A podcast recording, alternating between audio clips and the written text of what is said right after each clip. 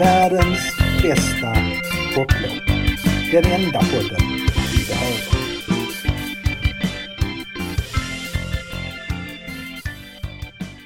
Kommer du ihåg när du var ung och du sken som solen? Det är dags att du, din galna diamant, strålar vidare. För vi är vare sig too old to rock and roll eller too young to die och vi färdas genom tid och rum och landar i 1984. Världens bästa poplåt med mig, Nils Karlsson, tar oss återigen till Tyskland. Det är märkligt hur popmusiken liksom dras till Tyskland, utgår från Tyskland, frodas i Tyskland. För mig är världens bästa poplåt inte bara en desperat önskan om evig ungdom och ett liv utan att få kärnvapenbomber i huvudet, utan det är också den där hösten 1984 och längtan efter att få dansa med Madeleine på mellanstadiediskot och den första snön och min födelsedag och insikten om att nej, jag åldras. Så mycket drömmar det finns i Alphavilles Forever Young. En låt som åldras med betydligt större värdighet än vad jag gör. Än vad Marianne Gold och, och vem det nu är som är med i Alphaville för tillfället gör. Åldras värdigare än vad de andra låtarna på deras första LP gör. För låten Forever Young håller sig fast i oss, samplas, spelas in av andra och är alldeles, alldeles underbar. Man kanske måste ha varit med när det begav sig för att få den där känslostormen bara man hör så mycket som en tiondel sekund av Frank Martens svepande syntmätta i inledningen. Kanske det är svårt att förstå magin i det mest ikoniska trumfilet någonsin förutom Phil Collins i In the air tonight eller när Dave Grohl visar att nu jävlar är det rock och eller roll på Nirvanas Smells like Teen Spirit. Men när Smells like Teen Spirit är en arg knytnäve av briljant pop och frustration så är Forever Young på många sätt mer än bara en doft av tonårighet utan liksom en tonsättning av tonåringens drömmar om frihet och evighet och känslan av möjlighet och storhet samtidigt som den där frustrationen över omöjligheter och faktiskt den konkreta risken att vi ska utrota varandra. Kärnvapenångest ligger som en tung våt filt över Forever Young men under filten finns hopp och kraft och revolution. Och någon har fått grepp om filtens sömmar och det börjar gå maskor i den. Det är inte kört, det finns hopp. När jag är i Forever Young behöver jag inte dance with tears in my eyes för vi är tillsammans och vi fixar det här.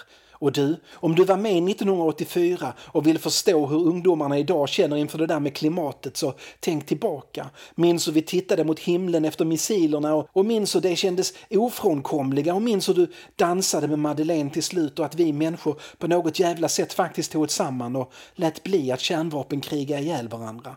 Nu skiner vi som diamanter en stund. Ta min hand så dansar vi till världens bästa poplåt. För som Marianne Gold sjunger, diamanter är eviga. Kom, vi reser till Västberlin, fast inte till 1984 först. Vi reser till 1978, när vi dansat. Först dansar vi.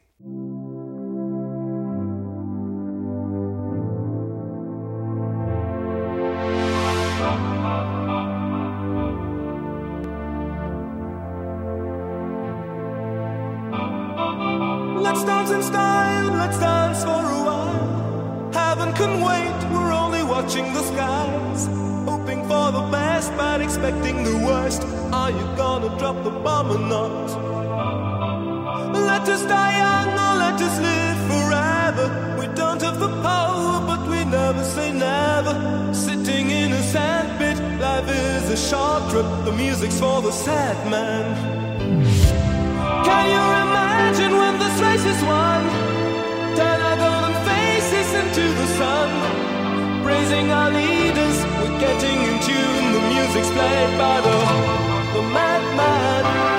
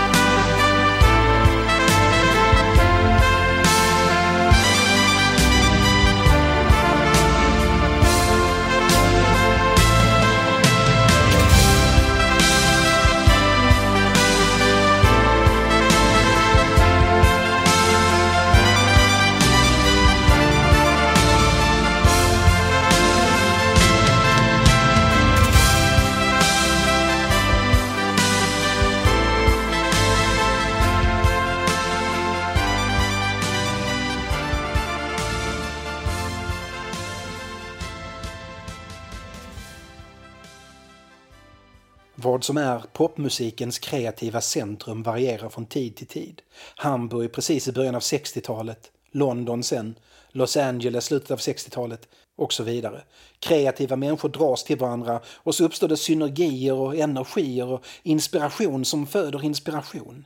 Västberlin, det fanns ju två Berlin i olika väderstreck, var ett sådant center i slutet av 70-talet. Här spelade Donna Summer och David Bowie in sina världsförändrande album och här härjade kraftverk och här bestämde sig Iggy Pop för att göra comeback. Här formade Scorpions den europeiska kommersiella hårdrockens framtid och Västberlin var knökfulld av tung symbolik över den delade värld vi levde i och här tycktes mänsklighetens mörka framtid och mörka förflutna liksom vara inkarnerad. Spåren från andra världskriget, ärren var kvar, kratrar fanns kvar, minnena fanns kvar. Det var bara 30 år sedan kriget slutade. De som var soldater, offer, grannar, anhöriga, lägervakter, medlöpare, motståndskämpar, fängslade, krigsprofiterande eller bara tysta vittnen levde fortfarande. Och mitt i detta en stor jävla mur som delade en en gång enad stad i två delar som hanterade sina krigstrauman på olika sätt. Ursprungligen var det tänkt att det skulle vara fritt att bosätta sig på vilken sida av gränsen man ville. Öst tänkte precis som väst att just deras sätt att leva skulle visa sig vara det mest populära och därför locka flest människor. Öst gjorde en ganska grov felkalkylering där kan man säga. Det visade sig att folk föredrog västvärldens dekadans framför östkommunismens ordning och reda och angiverisystem. Så man byggde en mur och stängde gränsen. Västberlin låg alltså mitt i Östtyskland och var bara en halv stad. Det skapar såklart en väldigt speciell stämning. Och mitt i detta låg ett fallfärdigt lägenhetskomplex som planerats att rivas i tio år. Och sedan några år tillbaka var det ockuperat av konstnärer och musiker och de tänkte inte flytta bara för att det kom några kommungubbar och ville riva det. Här bodde man, här skapade man. Vinden förvandlades till ateljé och källaren till replokaler och som mest bodde där 50 människor på en gång. Man avlöste varandra såklart, det var inte samma 50 alltid.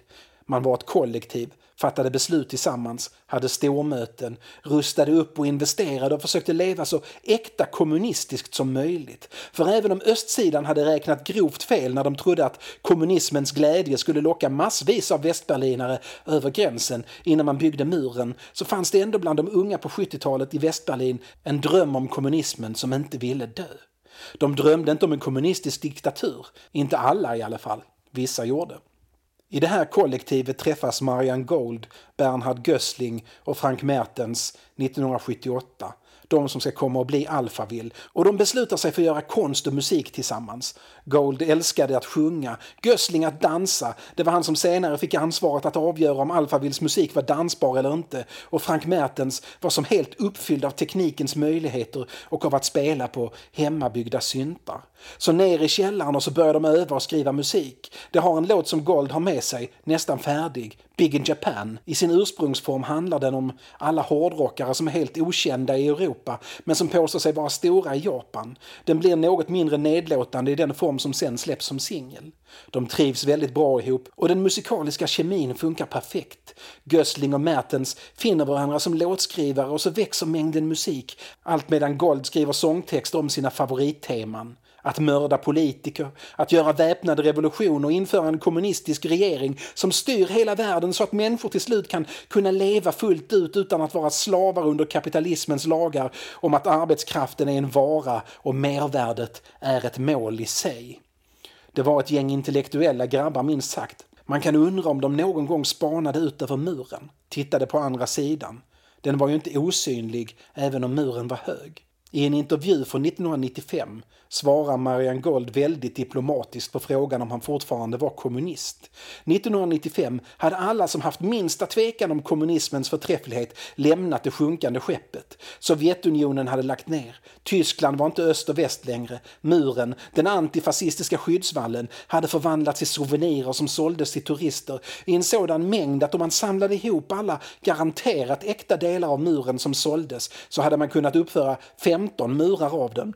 Gold svarar inte på om han är kommunist eller inte, men han säger att han inte skriver låtar om att mörda politiker eller världsrevolutionen längre. Det svåraste som finns är att möta sina egna misstag och att ompröva sina övertygelser. Ju mer man brann för något, desto svårare är det. Och revolutionen hade ju så snälla ögon. Var så god innerst inne egentligen. Gold, Gösling och Mertens tar sig namnet Forever Young och bestämmer sig 1980 för att ge en konsert för kollektivet och vem som än ville betala några mark för att se den. Pengar behövdes som inte annat för att byta några trasiga fönster. Man hade ofta insamlingsfester i kollektivet och de var populära. Gösling var ofta DJ och han var en poppis sådan. Västtysk kommunistisk dekadens, nu med livemusik. Mertens spelade in alla bakgrundsspår och så uppträdde man och blev en succé. Låtarna gick hem, mest den om Japan. Alphaville var inte bekväma på scen, ingen utom Gold i alla fall, men de älskade applåderna. Det här gör vi på riktigt. Det här blev vårt konstnärliga uttryck. För att få spelningar utanför de mest kommunistiska kretsarna tonar de ner sina texter något och efter att ha sett Jean-Luc Godards märkliga science fiction noir-dystopi Alphaville, som de tolkar som att den handlar om kapitalismens nödvändiga slutpunkt om ingen stoppar den, byter de namn till Alphaville, ett betydligt mer lättsålt namn. Deras konserter växer till att bli kollektivets viktigaste inkomstkälla.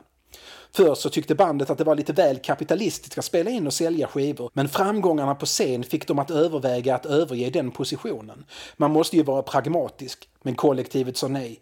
Det var omöjligt att spela in och sälja en skiva utan att någon utomstående skulle göra profit på det. Kollektivets idealism hindrade såklart inte skivbolag från att komma med erbjudande. Folk som hörde Big in Japan kunde liksom inte sluta nynna på den. Och Frank Mertens egenskrivna snabba diskonummer Forever Young hade liksom ett sug i sig även om bandet mest spelade den som utfyllnad.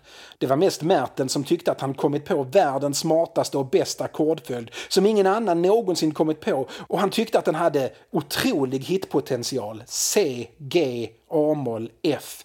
Genialiskt. Do you recognise this? Uh, yeah, that is "Don't Stop Believing" by Journey. great song. Very original. There's a few more that fit. Check it out. My life is brilliant. My love is pure. I saw an angel. Of that I'm sure. Well, that's just two songs that are similar. That's not a big deal. forever young. Three I songs. wanna be forever young. Hesitate no more, no more. It cannot wait. I'm yours. This is the way you left me. I'm not pretending. No love, no hope, no glory, no happy ending. Cause you were amazing.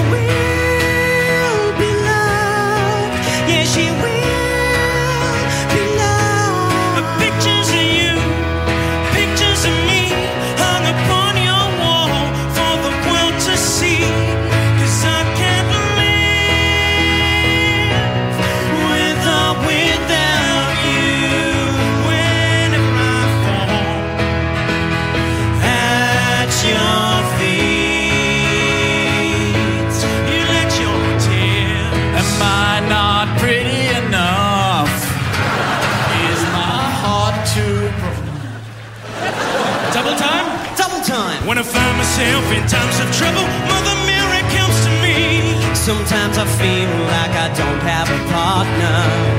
That's the way it's gonna be, little darling. Little darling. We'll go riding on the horses, yeah, yeah. No woman, no cry. Mama, there surely is a dream. I come from a land down under. Once a jolly swagman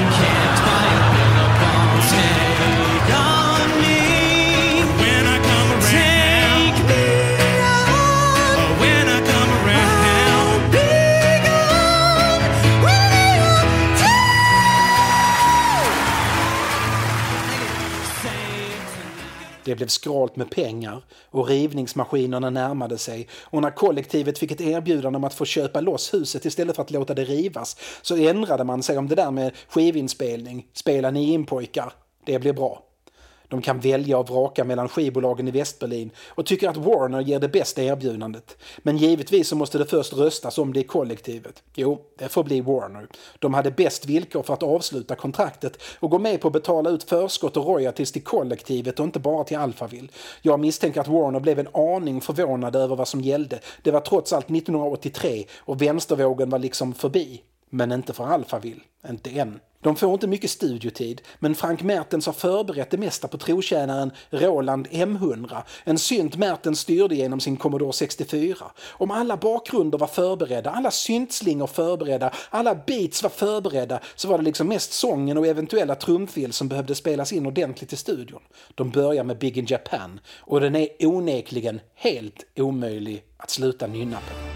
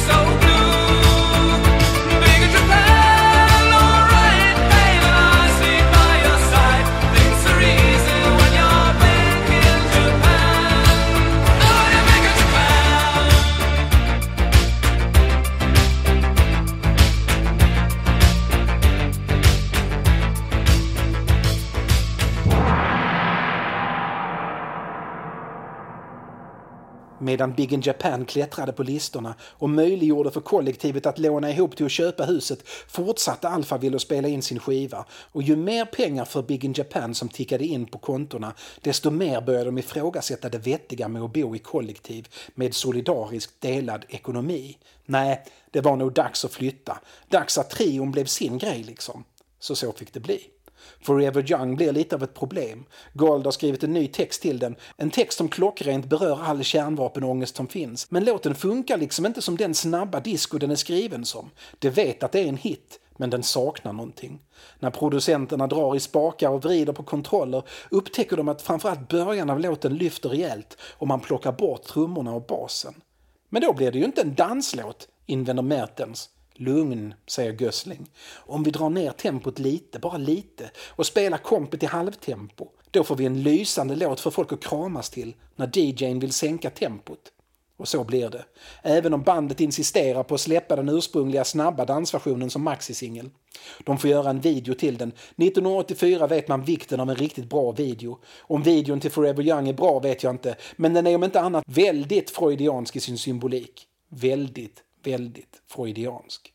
Forever Young blir en enorm hit i Europa och en ganska stor hit i USA. Mertens orkar inte med marknadsföringsturnéer så han lämnar bandet. Han tycker ändå att de tre singlar de gjort, Big in Japan, Sounds Like a Melody och Forever Young, har sagt vad han vill säga med popmusik. Dags att gå vidare. Låten ligger nästan ett år på topp 100 i Storbritannien och 30 veckor på USA-listan. Men även när den åkt ut stannar den liksom kvar. Den mixas om, det görs covers. Jay-Z rappar till den på Young Forever och fy för satan vad bra det är. Det skulle kunna vara den bästa versionen av den om det inte vore för Bill Hamel.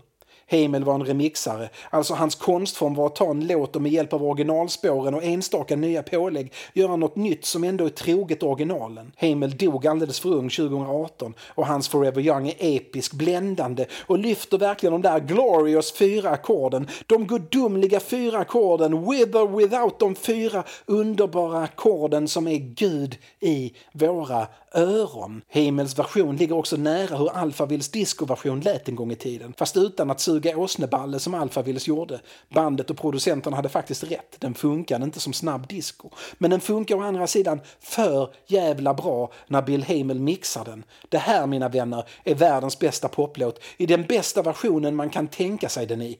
Och ni vet väl, vår inre ungdom dör inte. Vi växer, vi åldras, men vi är alltid alla versioner av oss vi varit. Tiden är bara en axel vi reser på, men punkterna vi lämnar bakom oss finns kvar där. Precis som jag någonstans finns där som 11-åring med mina armar nervöst kring Madeleine under diskokulan som någon satt upp i taket i matsalen för det var skoldisco och drömmarna fanns och jag, jag inte bara vill vara forever young, jag är det också. Och du med.